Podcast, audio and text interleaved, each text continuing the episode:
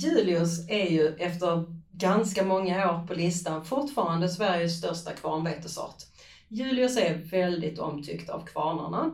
Eh, den, eh, den har varit vår största kvarnvetesort ganska länge nu och eh, kvarnarna är inställda på Julius, de är vana vid Julius, de vet ungefär hur den sorten förändrar sig i olika år.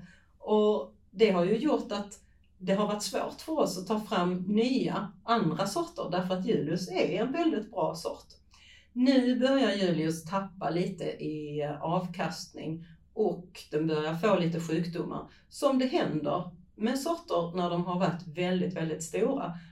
Då utvecklas patogenerna så att de kan attackera de sorterna, även om de var fria från eh, till exempel gulrost när vi lanserade den här sorten för snart tio år sedan, så, så jobbar gulrosten på.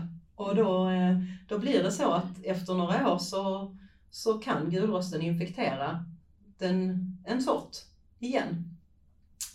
Eftersom det bildas nya raser då. Julius har ju varit jättebra under alla år. Julius kommer från eh, KVS. Det är en sort som vi eh, representerar från det företaget. Och eh, det är en tysk sort. Vi har varit väldigt nöjda med sorten och det är vi fortfarande. Men som sagt så börjar den kanske tappa lite jämfört med de nya sorterna i avkastning då. Men Julius är lätt att odla. Den är den är lätt att få upp proteinhalten i så att det är lätt att få sin proteinbetalning. Eh, sorten kan behöva lite eh, tillväxtreglering, speciellt om man siktar på väldigt hög skörd.